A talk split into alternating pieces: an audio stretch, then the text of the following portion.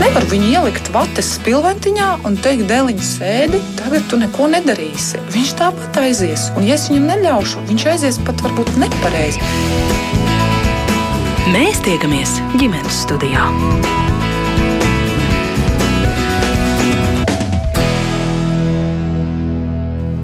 Labdien, rādījums ģimenes studijā sāk savu skanējumu. Jūsu sveiciens ir arī producents Ilza Zvaigzne, mans vārds ir Agnese Linka.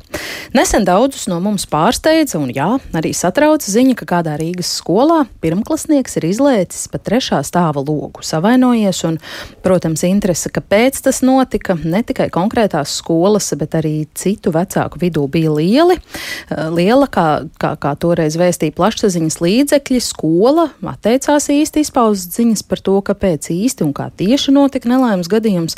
Situāciju gan komentē Rīgas domas izglītības, kultūras un sporta departaments, sakot, ka skolas vadība departamentam paziņojusi, ka bērns ir izlietis pa trešā stāva mm, labierīcību logu, jo toaletes durvju mēlīte bijusi iesprūdusi un tās nav izdevies atvērt.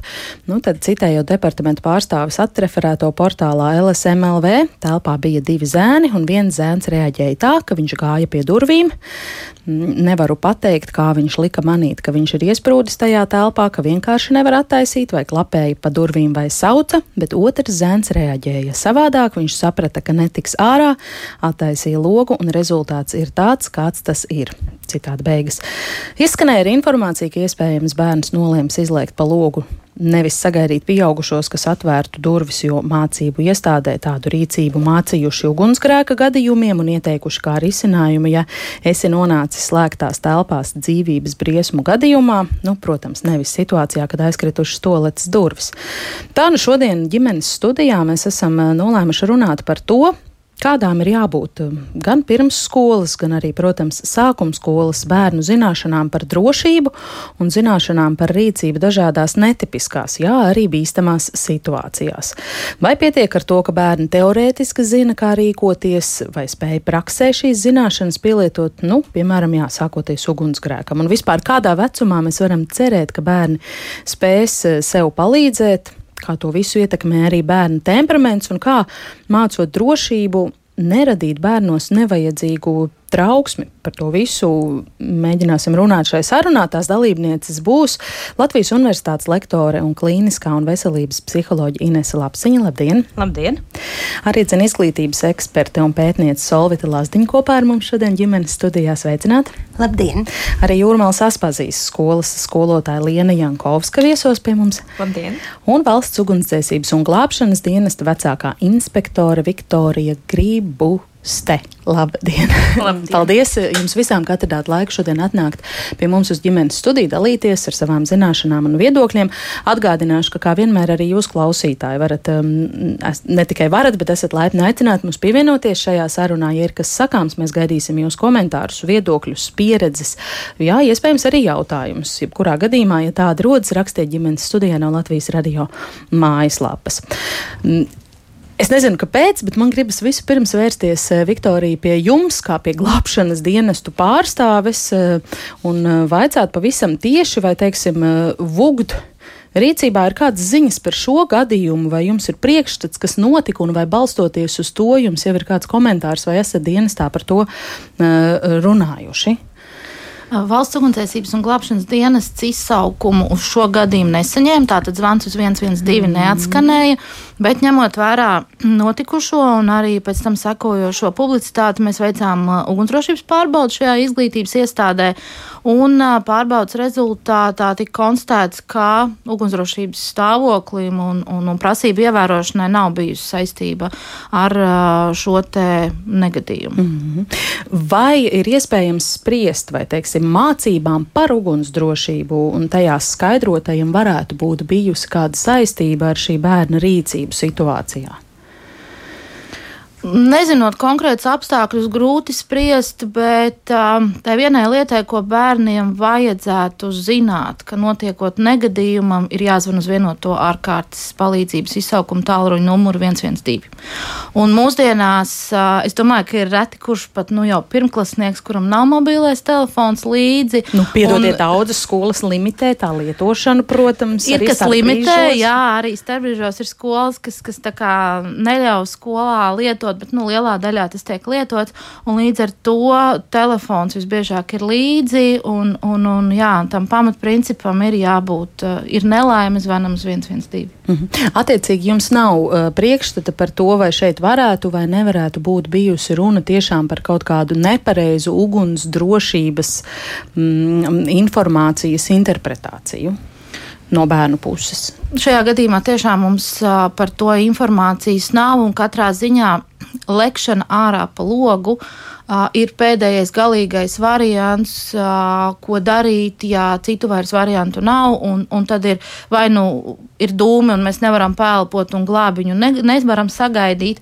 Tad tas ir tiešām galīgais variants, un tas ir arī tas, ko mēs bērniem mācām. Jo, protams, Tad, kad bērni diezgan bieži uzdod jautājumu, kā tad ir ar to lekšanu ārā plogu, tad mēs sakam, nē, drošāk ir kaut vai viegli sadūmotā telpā gaidīt palīdzību, nekā lekt ārā un nodarīt sev mm, nopietnus veselības bojājumus un mm. kaitējumu. Vai valsts ugunsdzēsības glābšanas dienests ar šo nodarbojas, vai arī jūs dodaties uz skolām un veicat tur šāda veida mācību informēšanu? Jā, mēs ļoti daudz vadām nodarbības izglītības iestādes iestādēs. Mums ir tādas divas lielas kampaņas gadā. Viena sākas februārī, kad mēs vairāk akcentējam informāciju par vienoto ārkārtas palīdzības tālruņa numuru 112, kad zvanīt, kad nezvanīt, kā pareizi nodot informāciju un tā tālāk. Un, tagad, kā reiz noslēdzās septembrī, oktobrī, mums bija kampaņa par rīcību dažādos negadījumos, tā skaitā ugunsgrēkā, un ar uzsvaru arī rīcību ceļu satiksmes negadījumos. Šeit mēs vairāk runājām tieši par uh, mm, to pareizo algoritmu, kā, kā rīkoties. Un uh, divu mēnešu laikā mēs visā Latvijā esam novadījuši vairāk kā 300 uh, nodarbības izglītības iestādēs. Uh, šajā rudenī akcents bija tieši uz pirmskolas izglītības iestādēm, bet bija arī citas izglītības iestādes. Uh, februārī šis lekciju skaits vēl bija krietni lielāks, un tad vairāk bija vispār izglītojošās izglītības iestādes. Mhm. -huh. Tas nozīmē, ka jūs braucat gan uz bērnu dārziem, gan arī skolu pirmajās klasēs klasītēs un reāli to patiešo stāstat bērnam, kas ir jādara ugunsgrēka situācijā? Mēs braucam gan uz pirmsskolas izglītības iestādēm, gan arī skolā no 1 līdz 12 klasē, un esam pat arī profesionālajās izglītības iestādēs viesojušies arī kur universitātēs. Tātad gan, gan tur, kur ir interese, mūs uzaicina, gan arī mēs paši kā, piedāvājam vadīt nodarbības, bet mm. nu, katrā ziņā mēs arī skolām divreiz gadā iz, izsūtam uzaicinājumus iet pie viņiem ciemos, un interesi ir liela. Mhm. Tas ir teorētiskas mācības. Tās ir teorētiskas mācības, bet reiz gadā arī skolas pašas organizē evakuācijas mācības, kas jau ir praktiskas mācības, un diezgan bieži arī skolas uzaicina mūs piedalīties, novērot šīs mācības, un arī pēc tam sniegt ieteikumus, kas varbūt bija pareizi, ko varbūt savādāk vajadzēja izdarīt, un arī sniegt vērtējumu par šīm mm -hmm. mācībām. Mm -hmm bez nekādiem slēptiem zemūdens akmeņiem šajā jautājumā, bet pārskatījāt šī rudens sarakstiņu šajā skolā, ko uh, nesaucam vārdā. Bijāt šoruden? Uh, nē, es tiešām paskatīsies, jo es uh, pati personīgi zemgalē, pārsvarā Jelgavā un uz Jelgavas novada skolām gāju, un uh, nē, es paskatīsies, bet zinu, ka Rīgas kolēģiem bija vairāk kā simts lekcijas novadītas šogad un ļoti, ļoti mm, daudz. Tad ļoti iespējams. Jā. Vai skolu pārstāvji man varētu pastāstīt, un tie, kur zina, kas notiek skolās, kā tad dažādi temati par drošību ir integrēti dažādos priekšmetos, dažādās vecumu grupās? Jo skaidrs, ka valsts ugunsdzēsības glābšanas dienests varbūt pietiekamā apjomā nu, neapbraukās visus un, un, un tik bieži nepaviesosies katrā skolā, katrā klasē, lai katram pastāstītu. Un tas tomēr lielā mērā arī paliek pedagoģu ziņā. Liene? Jā, paldies. Uh, tiešām tā ir, ka katrai skolai ir uh, noteikts uh, šis instruktāžu skaits, uh, kas ir paredzēts, ka nu, katram audzinātājam ir jānovada. Uh, tas nozīmē, ka katru katru gadu noteikti katra klase izrunā, kā rīkoties ugunsgrēka gadījumā. Bīstamību uz ledus, evakuēšanās, kā izsaukt ātro palīdzību. Tur ir vairāk mm -hmm. šīs instruktāžas, un katru gadu tas, te, protams, tiek izrunāts. Un, uh, es pat arī esmu audzinātāja, arī to daru. Un, Kurai klasītai atgādināt? Uh, šobrīd ceturtai klasē, uh, bet uh, jāsaka, ka audzinātājiem tas, protams, atkal jādomā, lai katru gadu tas būtu atkal nedaudz citādāk, jo, nu, tu nevari visu laiku nākt ar vienu to pašu informāciju vienā tā pašā veidā, līdz ar to Mēs arī izmantojam uh, filmiņas, jā, kaut kādas um, paši taisam plakātus un sketčiņus, lai maksimāli dažādos veidos atdzīvinātu to informāciju, lai nebūtu visu laiku vienveidīgi. Bet, uh, manuprāt, viens ir tas, ka mēs, jā, izrunājam Un jāsaka, īstenībā bērni ļoti labi zina noteikumus. Tad, kad viņiem runā, viņi kā pantiņu var noskaidrot, viņi zina, ko drīkst un ko nedrīkst darīt. Mm. Ļoti labi, bet uh, man šķiet, ka tad, kad tiešām notiek kaut kas ārkārtējs, uh, un ko skolās, man liekas, dara gana maz un vajadzētu darīt vairāk, ir uh, kā tu pats apzinājies savas uh, emocijas un kā tu rīkojies stresa situācijā. Un par to runā maz, jo tad, kad noteikti ir kaut kāda trauksme, uh, nu, pat pieaugušie nespēja adekvāti adekvāti rīkoties, jo vienkārši tā trauksme ir tik liela, un tad sākas panika, un tev nav tas skaidrais prāts, un, un viss tas, ko tu zini, kā pantiņa ir aizmirsies. Un līdz ar to es uzskatu, ka jā, ka mēs arī tagad skolā mazliet runājam par apzinātību, par savām emocijām, par emociju kontrolēšanu, atpazīšanu, ko tu vari darīt, kā tu rīkotos. Jā, man liekas, tas, tas ir tas, kas ir jāiedod vēl klāt. Mm -hmm. Bet, Liena, piedodiet, vai jūs varat iedomāties, ka teiksim, tāda informācija, ko jūs kā skolotāji vai vēl kāds cits skolā ir sniedzis bērniem saistībā ar ugunsdrošību, varētu pamudināt vai provocēt pirmklasnieku lekt pa logu no trešā stāva situācijā, kad tolīdz durvis ir aizkritušas? Es domāju, ka konkrēti tādi vārdi man, eh, es domāju, ka nē, bet eh, tas ir tas stāsts par to, ka, ja tu izru, izjūti trauksmi un paniku, tu nevari ielīst otru galvā un, un paredzēt, nu, kā katrs bērns rīkosies. Mm. Līdzīgi ir klasē arī tik daudz dažādas konflikta situācijas notiek, un tu neiedomājies, ko, kas katram ienāk prātā.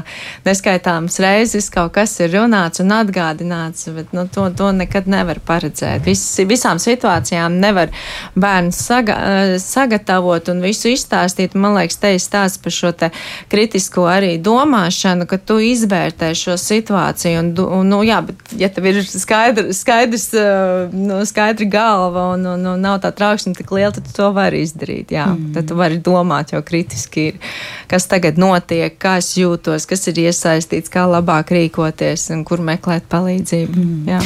Kas jums kādas pārdomas, kā sāk sākuma skolas pedagogam, kas ikdienā strādā ar mazajiem bērniem, raisīja atskaņas par šo gadījumu? Um, es vairāk arī jā, tieši domāju, ar bērniem ir jārunā konkrētajās, kad tikko kaut kas atgadās, ir jārunā konkrētās situācijās un jāanalizē. Mazāk varbūt ir kaut kādas tādas morālas lasīšanas par to, ka drīkst, nedrīkst un kāpēc atkal kaut kas ir tāds atgadījies, bet izrunāt, izvērtēt, kas tagad notika, kā mēs jutāmies, kā mēs rīkojamies, kā mēs varam citādāk rīkoties un padalīties un tiešām analizēt situācijas, negaidīt to vienu um, instruktāžu stundu, bet uh, tā ir ikdienas lieta. Gaitenī noķeram, piefiksējam mirkli, kas ir bīstams, negaidam, ka kaut kas atgadīsies, bet pie, piefiksējam, kad, nezinu, bērns kāpī, pakāpjās uz skapīt, kas varētu uzgāzties virsū, stop, piefiksējam, izrunājam, ieejam klasē, izrunājam, kas tagad notika un kā var citādāk rīkoties. Mm, bet ar saviem eh, skolēniem runājāt par šo gadījumu? Mēs konkrēti par šo, par šo gadījumu mēs tieši tādā kontekstā mēs nerunājām. Mm. Nē. Solvit, jā, jums jau ir kaut kas piebilstams. Jā, es vienkārši uzlikšu tādu jā. lielāku rāmi tam, ko kolēģis stāstīja par drošību runājot. Mēs tagad sakam, ka ir dinamiskā drošība vajadzība. Viena lieta ir noteikumi un normas, un, un, un kuras mēs pārunājam, turam pie sienas vai neturam, bet ir otra lieta, kad pieaugušiem ir jābūt klāt ļoti dažādās situācijās, kā kolēģis stāstīja veidojot tā skaitā attiecības un mācot drošību ikdienā praktiski. Un līdzīgi tā, tā, tā dinamiskā drošība ir, kad caur attiecībām un klātbūtni es kā pieaugušais dažādās situācijās veidoju drošību. Un, un līdz ar to bērni apgūst prasmes, kas ir vajadzīgas ārkārtīgi atšķirīgās situācijās. Un kolēģis piemērs par to, ka es neju garām tam, kas notiek gaitenī, bet sarunājos. Es ieraugu situācijas ēdnīcā un sarunājos. Un tā dinamiskai drošībai ir ļoti svarīgi, ka bērnam klāt ir pieaugušais dažādās situācijās. Futbola spēlē, uh, ēšanā, visur, kur varētu būt kaut kādas nesaskaņas un kaut, kādi, kaut kādas uh, emociju uzvirdumi, pieaugušais palīdz saprast, kā šo situāciju radīt, nu, novadīt un, un, un radīt drošu. Uh, līdz ar to drošība nāk nu, attiecības un klātbūtne palīdz radīt drošību konkrēti mm. vidē. Nu jā, bet neilgi pēc mācību gada uzsākšanas divi pirmklasnieki toletē, nu, nebija tur tas pieaugušais blakus. Kā jūs uh, savā prātā no tāda profesionālā skata punkta analizējāt šo situāciju? Vismaz tās informācijas druskas, kas mums par to bija. Man, nu, man tajā brīdī bija ļoti nu, emocionāli sāpīga sajūta par to, ka, nu, nu, ja es būtu tās mammas vietā, man būtu ārkārtīgi lielas bažas par to, ka, ka manam bērnam ir acīm redzami tik liela trauksme bijusi, kā jau man kolēģis teica, ka viņš ar to trauksmes situāciju nav ticis galā. Un, un, un, un tas mans aicinājums visticamāk būtu, ka līdzīgi kā kolēģis stāstīja, ka mums ir jāpalīdz bērniem. Jā, jau pirmajās klasēs tieši mazināt trauksmi. Jo mēs nezinām, varbūt tā trauksme atnāca līdzi no klases uz to toleti. nu, tur viņa vienkārši pastiprinājās. Nu, nu, kad, kad, līdz ar to man jāsaka, ka jādomā par jebkuru situāciju, kura var nonākt strupceļā un saklāties viens otram virsū gadījumi, kas var beigties galīgi nelāk. Jā, bet mm. es ļoti pārdzīvoju, nu, tā kā par emocijām es ļoti pārdzīvoju līdz ar mammu un patiesībā arī par skolotājiem, nu, ka tev ir jāmācās no nelāgas pieredzes. Nu, jā, Mm. Jā, Ines, gribu arī jūs iesaistīt sarunā. Esat ilgāku laiku eh, pacietīgi klausījusies mm, kolēģos. Eh, varbūt ir kaut kas, ko jau gribas komentēt eh, par, par, par pārējo sarunas dalībnieku teikto pirms es jautāju. Jā, šeit tāda vairāk būtiska aspekta, un man jāpiekrīt kolēģei par, par to, ka mēs, mums ir jāmāca bērniem daudzas ļoti svarīgas lietas arī attiecībā, lai bērni varētu iemācīties drošības jautājumus sākam ar personīgo drošību. Mm -hmm. Un es gribu teikt, ka tāda krietna soli jau atpakaļ pirmsskolā mums ir jāmāca atpazīt emocijas, jo trauksme pēc būtības ir ļoti svarīga emocija, jo trauksmes uzdevums ir brīdināt, kad ir bīstama situācija, un ja mums parādās trauksme, tā tad ir jāieslēdz uh, domāšana, kas ir noticis, mm -hmm. kāpēc es satraucos. Kas šeit ir bīstams? Šī sajūta, emocija liek man domāt, ka ir apstākļi, kuros ir jārīkojas citādāk. Un, uh, un tad uh, tas, kā parasti bērniem un arī pieaugušajiem, klientiem mēs mācām, ka trauksme, tad, kad viņi uzkāp tajā nepalīdzošajā līmenī, viņi ir jānomierina un jādabū tajā palīdzošajā trauksmes līmenī. Līdz ar to tāda emociju regulācijas paņēmiena, kas ir jāmācās jau no agrīna vecuma. Un otra ļoti būtiska lieta, kas man nāk prātā, ir sociālo prasmu treniņš arī no pirmskolas vecuma, jo šeit būtu tāds algoritms, ka mēs laicīgi jau mācām bērniem problēmu risināšanas prasmi, kad stop ir problēma, un šajā gadījumā stop problēma ir aizkritušas durvis. Un tas, kad, tad, kad mums ir tādas nestandarta situācijas, bīstamas situācijas, mums parasti prātā ir tikai viens risinājums. Un tas risinājums, kas ielēc prātā, var būt vai nu loģisks, un vienam bērnam viņš ienāk tāds racionāls prātā, kad es klauvēšos, kamēr kāds dzirdēs, bet kādam citam var kā uzpeldēt tāda spontāna asociācija. Ja?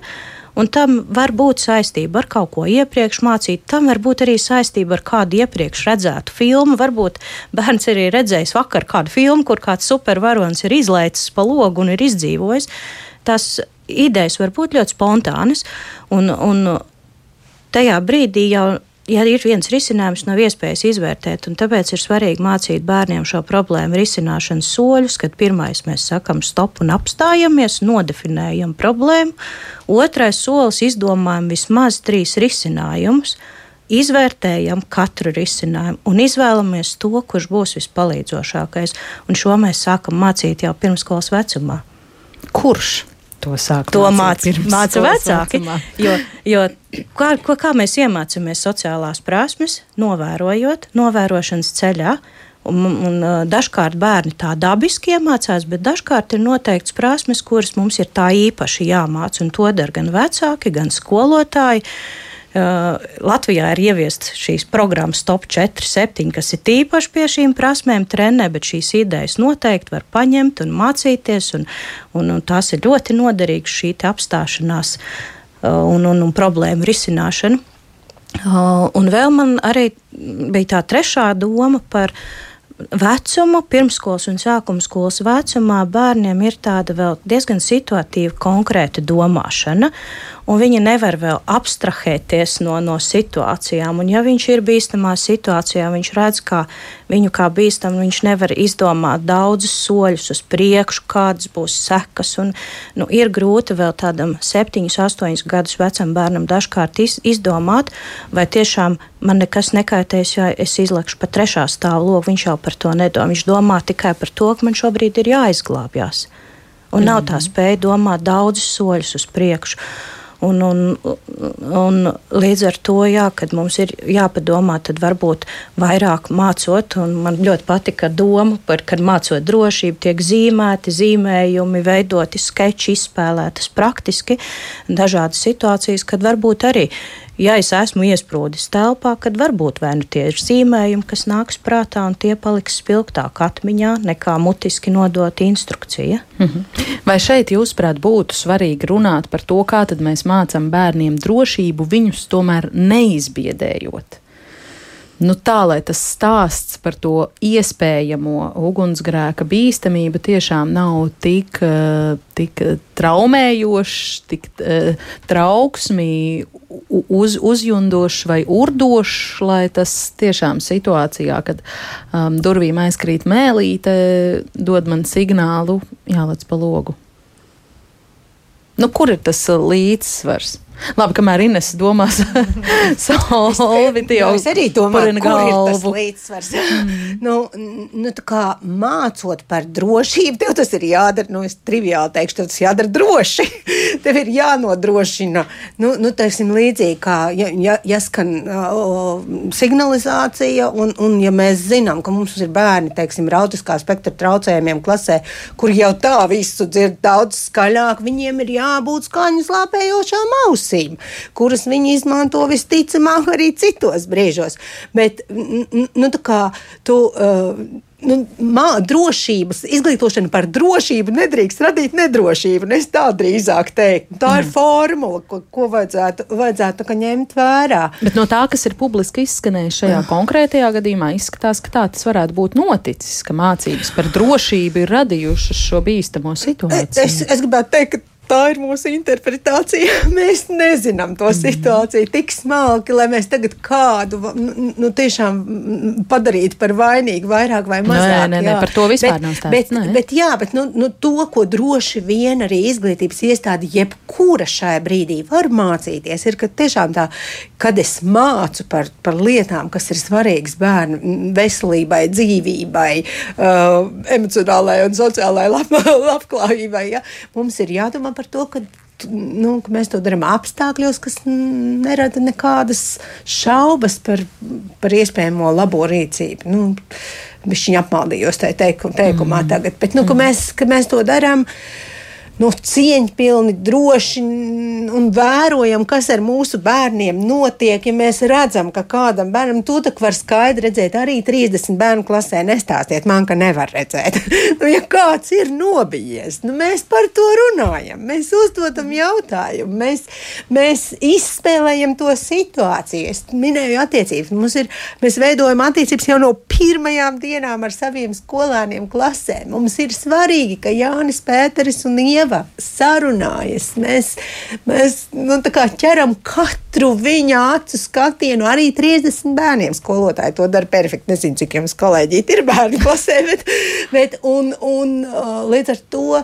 Nu, jā, tas, tas ir tāds uh, sarunā par drošību. Mēs vērojam savus bērnus un, un uh, vērojam situācijas un sarunājamies par to, kas ir viņu galvā nonācis. Mm. Tā ir brīdī, vai ne? Mm. Jā, šeit man jāpiekrīt kolēģiem par to, ka īstenībā jau tas pieaugušais, kurš ir tāds līdzsvarots un mierīgs, un kurš saka par to, ka var dzīvē būt dažādas situācijas, kurām, ja mēs zinām, kā rīkoties, mēs varam sagatavoties tām situācijām. Bet tas, ka mūsu prātam patīk būt trauksmainam un būvēt katastrofas, nu, nu, nu, nu Nu, tāda ir tā mūsu domāšana. Un paldies jā, par to ieteikumu mācīt, vērot, atbalstīt vienam otru, būt vērīgiem ne tikai skolotājiem pret bērniem, bet arī bērniem vienam otru. Un tad, ja blakus uh, Jānim ir Anna un Anna ir nobijusies, tad Jānis var teikt, Anna, šitā ir evakuācijas skaņa. Tagad iesim ārā, ņemt pie rokas un iet ārā ar visu klasi mm. kopā. Un šajā brīdī, iedomājieties, ja tās situācijas rada vēl papildus iegūmu, ja mēs viņus nu, prasmīgi koordinējam. Ja viss notiek tik skaisti Jā. dzīvē, kā, kā ģimenes studijā pārunāts. Jā, bet Viktorija, es jums gribu pavaicāt, kā jums ir tā lielā pieredze arī ar tiem gana mazajiem bērniem, strādājot dien dienā skolās, bērnu dārzos. Nu, kā tad iemācīt to vissvarīgāko, nepieciešamo, lieki neraisot? Varbūt bērnā sajūta, ka pasaule ir apkārt tāda nedroša vieta. Un... Vismaz tajās arī materiālos, kas mums sagatavot, un arī pati vadot nodarbības, es cenšos lieki nebiedēt. Nu, tas vecums, kad es sāku stāstīt par kaut kādiem konkrētiem gadījumiem, uh, Uh, ir nu, tādi krietni pusauģu gadi, krietni patsmit gadi, jo uh, man tā sajūta laika gaitā ir izveidojusies, ka nu, viņi labāk uztver jau uz konkrētiem piemēriem.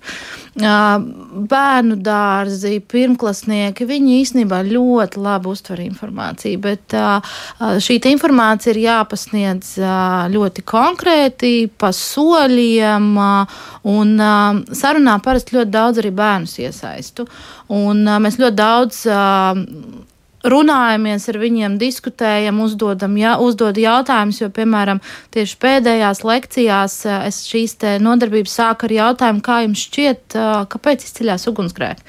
Un tad mums ir tāda diskusija caur piemēriem Līdz galā mēs nonākam pie trīs biežākajiem ugunsgrēku iemesliem. Bērnu dārzā mēs ar bērniem vispār runājam par uguni. Pirmā asociācija viņiem ir par to, ka jā, uguns ir bīstama, uguns ir slikta, bet mēs ar viņiem arī runājam par to, kāpēc ir uguns laba, ko viņa mums dod. Un, un, un tad mēs nonākam līdz tam, kad, ja uguni nepieskatām, par viņu neprūpējamies, tad no labās uguns viņa kļūst par bīstamu uguni. Un tā ir vairāk tāda saruna bez biedēšanas, bet ļaujot arī bērniem pašiem daudz ko secināt.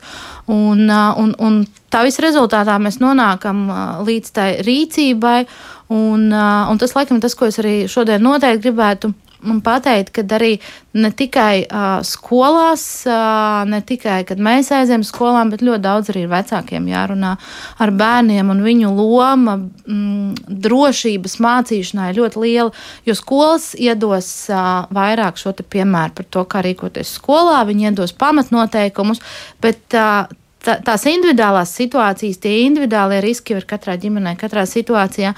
Un, uh, ja bērns ir zinošs, viņš jau īstenībā ir drošs un pasargāts. Un, tāpēc arī vecākiem ir jāvēl tas laiks, lai ar bērnu runātu par drošību. Kā tieši mēs, kā ģimene, rīkosimies, ja mums mājās, piemēram, sāk skanēt dūmu detektors. Skolā, jā, skolā bērni zina, mums skan signalizācija, mēs dodamies ārā ar evakuāciju, bet skola neiemācīs, kā konkrētajā dzīvoklī vai mājā, vai kur bērns atrodas, viņi rīkoti, rīkosies. Tāpēc ļoti, ļoti liela loma ir vecākiem. Ar piebildi, ja vecāki zina, ko stāstīt. Uh, jā, ar piebildi, ja vecāki zina, ko stāstīt, bet es teikšu tā, ka mūsdienās uh, piekļuva informācija ir tik liela, ir tik plaša, ka, ja ir vēlme, tad saņemt informāciju ir ļoti viegli. Arī mums valsts ugunsdzēsības un glābšanas dienas mājaslapā ir vesela sadaļa, kurā mēs esam iekļāvuši izglītojošus materiālus bērniem un uh, jauniešiem, arī pieaugušiem, kur par dažādām tēmām ir gan prezentācijas, ir darba lapas dažādiem vecumiem, ir testi.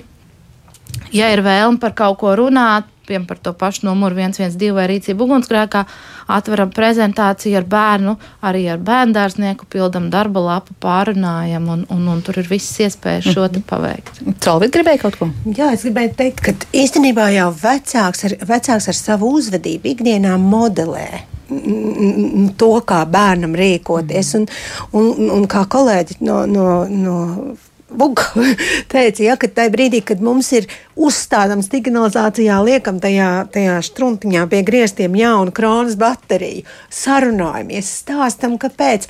Nu, kā, tā kā tā, mod, tā ikdienas situācija modelēšana, viņi kaut vai durvis vakarā pārbaudot vai aizslēgtas vai vēl kaut kā. Nu, nu, kā tas vecāk viena no, viena no funkcijām ir iepazīstināt bērnu ar visu to, kas tev ir riņķī un, un, un viens, viens vienīgs modelis. Es stāstu par to, kas notiek, kāpēc mm. es ko daru, kā tas, ta, kā tas mūs ietekmē. Viena maza piebildīta problēma tā, ka bieži vien mums liekas, ar mums jau tas nenot, nenotiks. Ziniet, nu labi, valdība lika pieliksim pie griestiem to tūmu detektoru, bet, nu, bateriju mainot, nu, ko es tur daudz stāstīšu, ar mums jau tas nenotiks.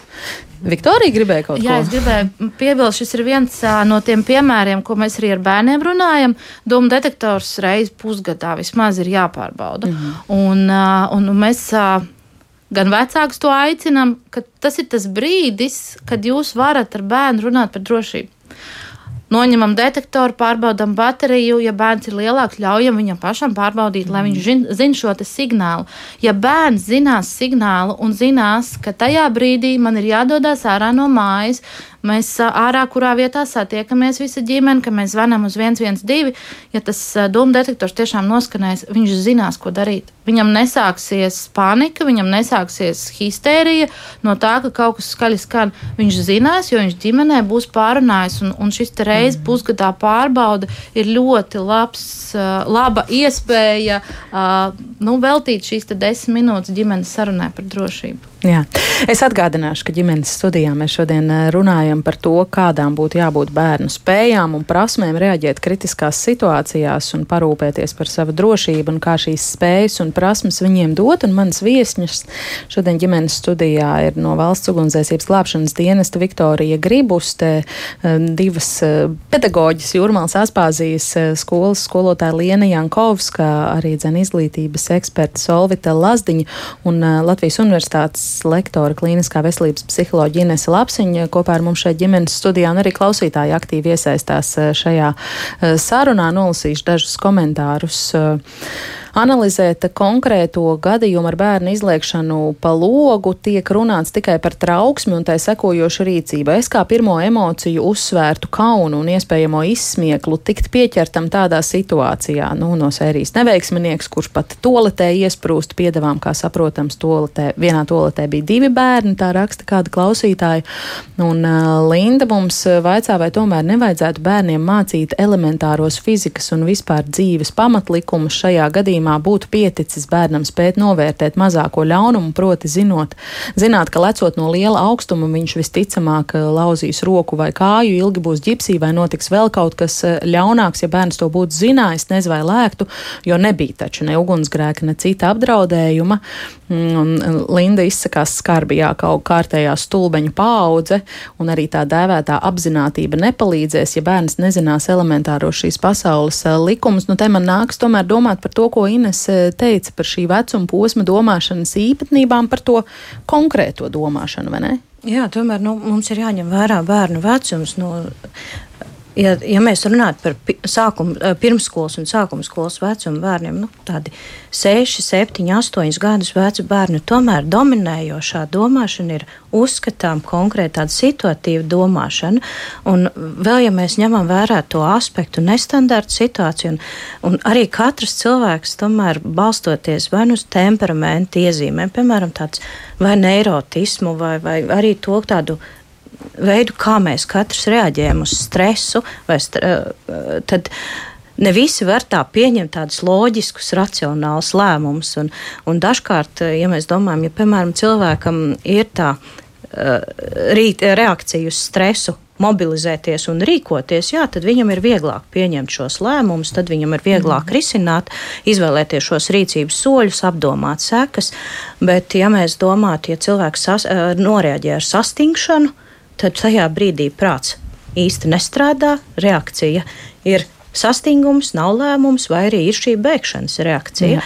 Tieši viena māma, es iestarpināšu mm. ātri raksta, man ir tik bailīgs bērns, ka krīzes situācijās visvairāk baidos par to, ka viņš vienkārši sastingtu un nedarītu neko. -hmm.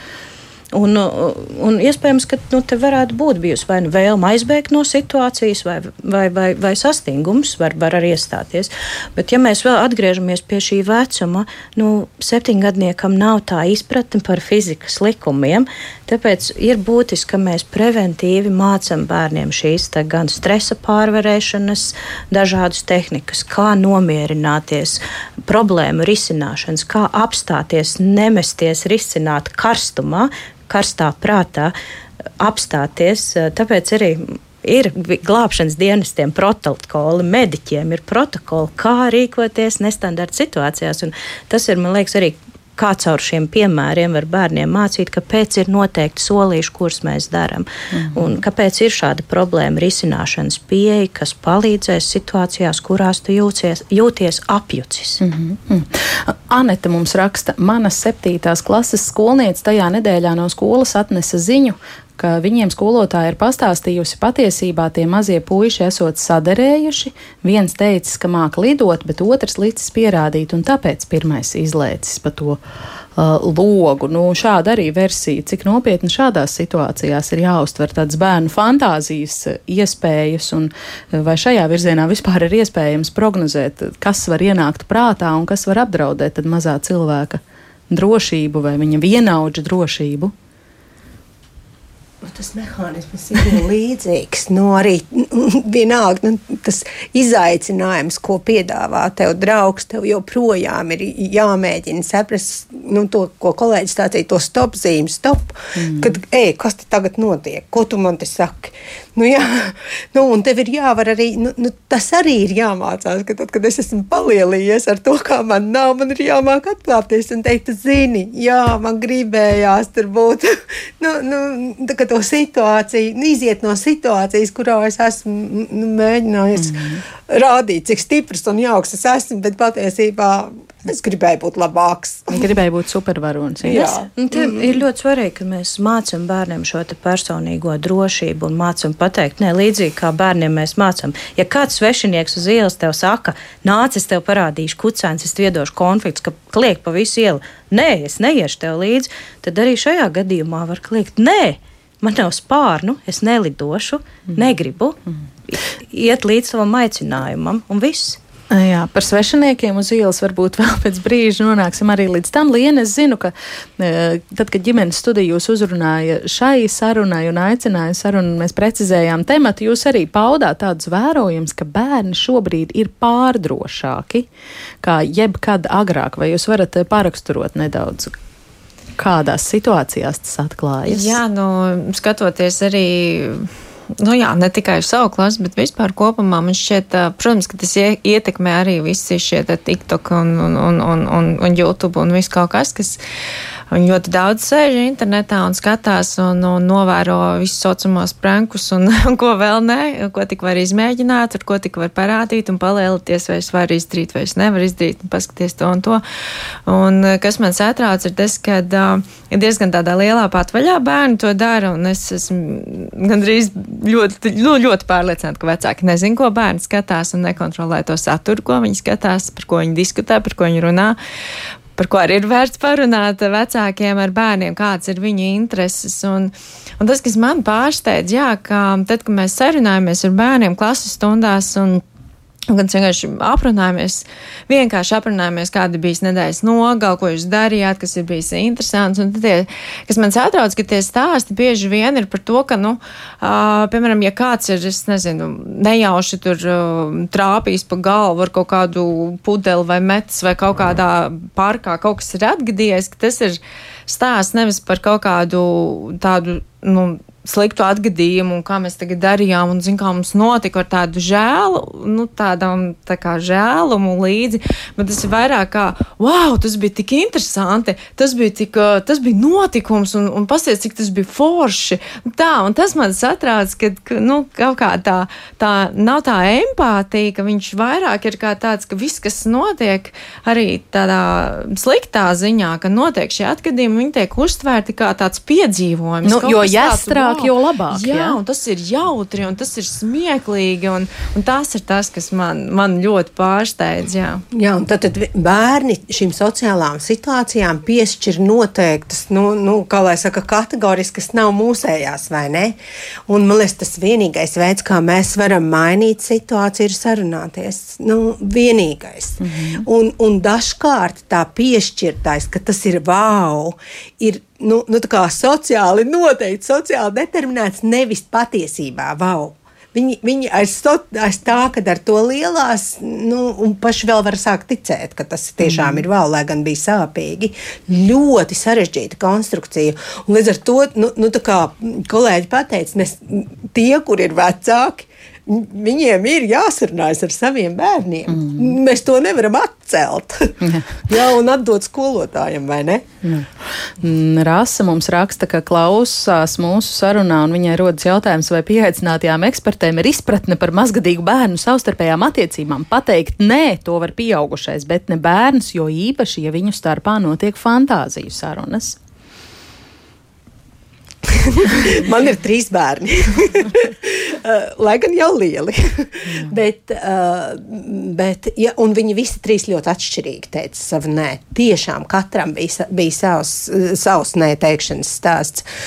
Un man liekas, manu bērnu nē lielā mērā ir saistīts ar manu nē cik es varu pateikt nē lietām, kā mm. es atkal modelēju situāciju.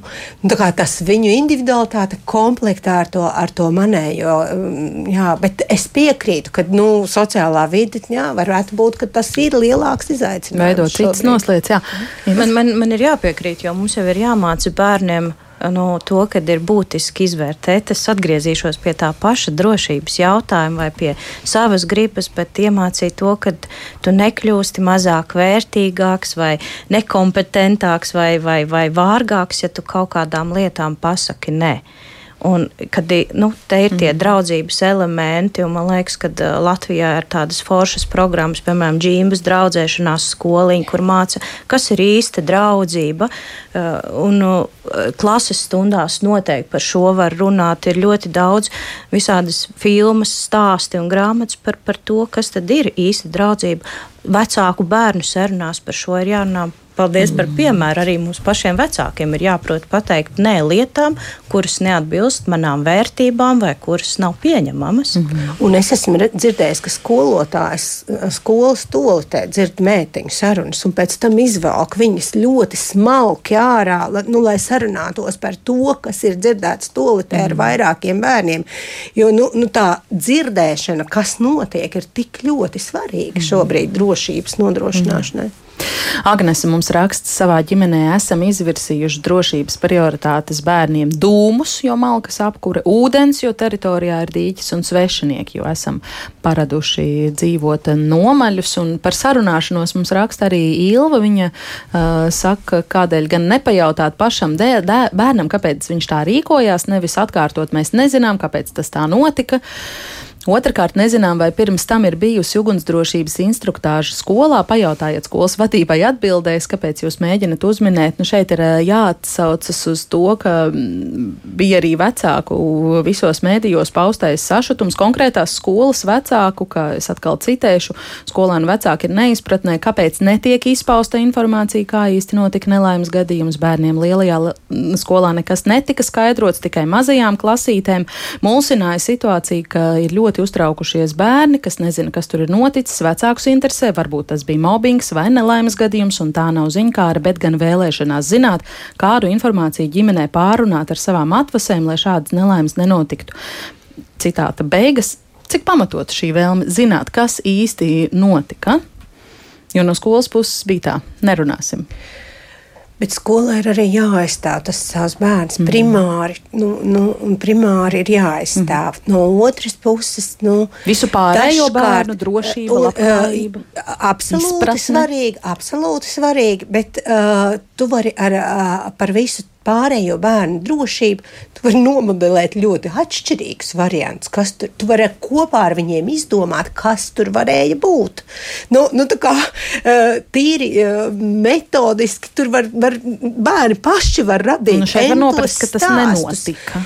Nu, lūk, tas ir jautājums par to, kāpēc tas nenotika, jo, jo nu, nu tā kā izrunāt, mm, pat, pat nezinot, kas patiešām notika, bet kas tur varēja notikt un kas varētu notikt citā reizē. Tas man liekas, ir ļoti svarīgi. Ko es jau teicu, kad mēs modelējam, meklējam, sarunājamies, tas ir ceļš uz drošību. Nevis slēpjam un, un bāžam galvas mm -hmm. miltīs. Kādam vēl par šo viedokli? Man ir viedoklis par to, ja publiskā telpā ir šī informācija par iesprūšanu un par drošību. Tas nozīmē, ka mēs aktualizējam šo jautājumu un pārunājam par to, kas ir pieejams. Bet un, skolas un, vecāki publiskā telpā nāk ar, un, ar, ar vaimanām, ka mums neskaidro, kas notika. Un tad ir, es domāju, nu, ir svarīgi saprast, kāpēc ir tik detalizēti jāzina, kas tieši notika. Jo būtība ir pēc fakta, kad vairāk par drošību lekt vai nelikt pa logu laukā, un ko kolēģi teica, tā ir galējā rīcība.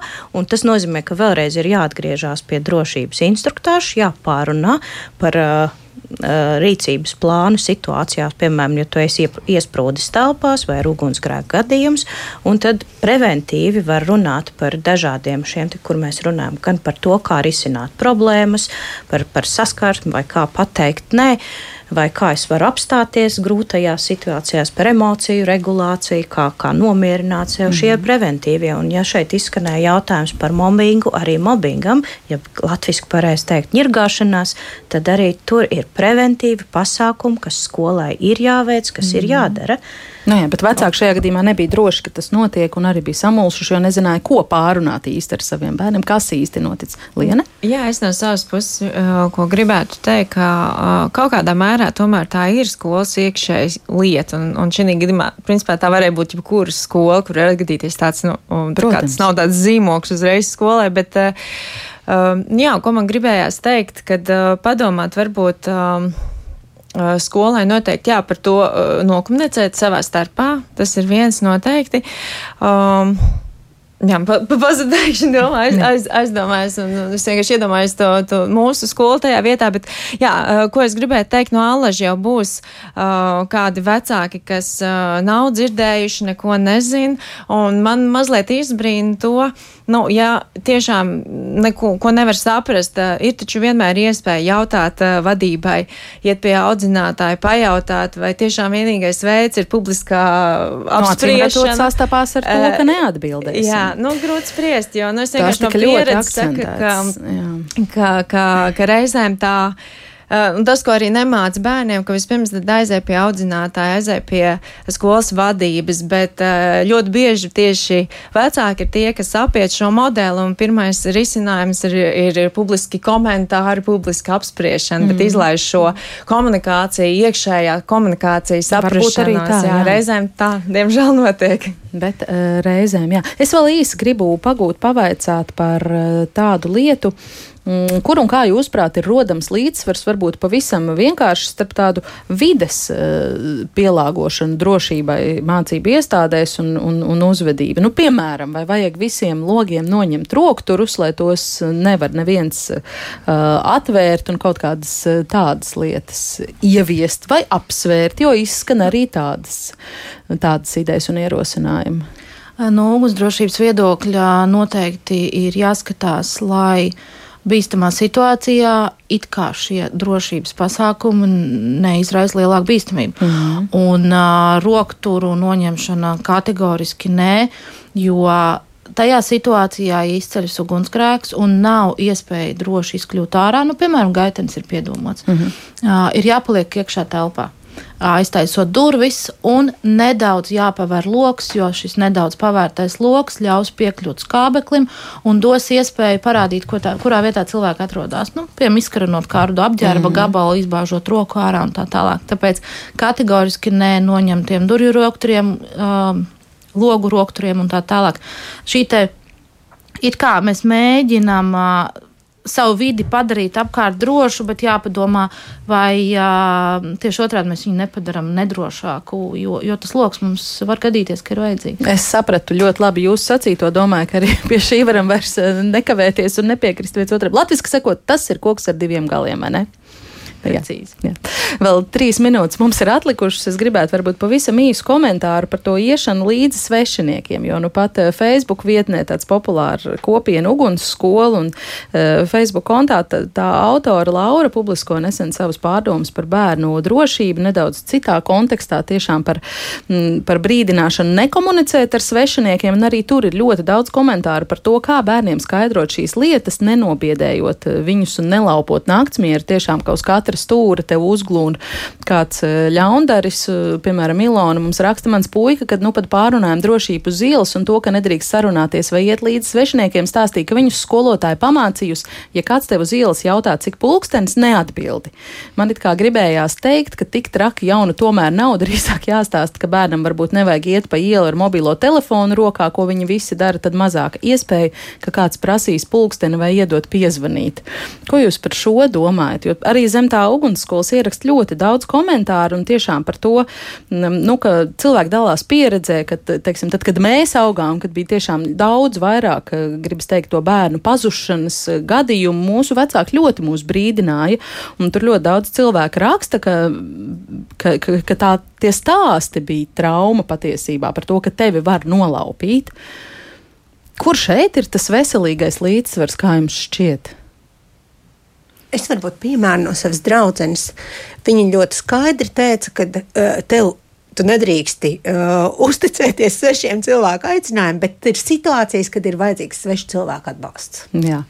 Un es domāju, un viņas bērns apmaldījās Rīgā, nevarēja atrast ceļu uz mājām. Un ko viņš darīja? Viņš gāja pie sievietes, ar kuras tumbu bērnu ratiņus mm. un prasīja, kā iziet uz brīvības ielu. Jā.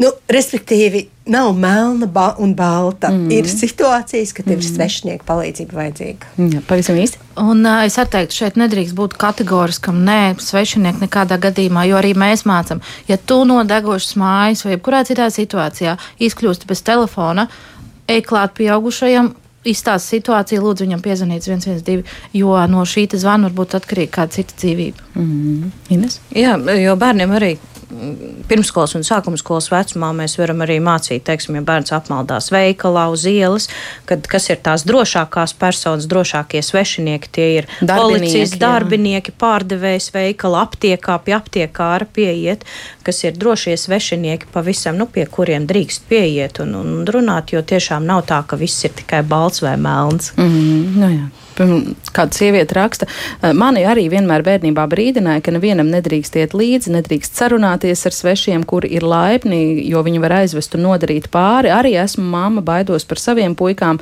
bet tā neumolīgā sajūta, ka tevi biedē un bailes no kaut kā nezināma, manuprāt, man pārauga trauksmē un bailēs no bailēm, bet man nav ideja, kā citādāk pasargāt bērnus no slimiem cilvēkiem, kā stāstot par to. Nu, tie ir par to, ka uh, izstāstīt to rīcības plānu, kad ja cilvēks tevi uzrunā un, piemēram, pajautā, nezinu, cik ir pulkstenis vai kā aiziet līdz brīvības ielai, tu vari atbildēt, bet nekādā gadījumā neiet līdzi. Un, ja tas cilvēks tev tomēr aicina, kliedz visā balsī, lai, lai, lai tevi dzird, nu, mm. tas ir tas signāls, jo balss ir pirmais signāls, kā mēs varam brīdināt un saņemt palīdzību. Mm.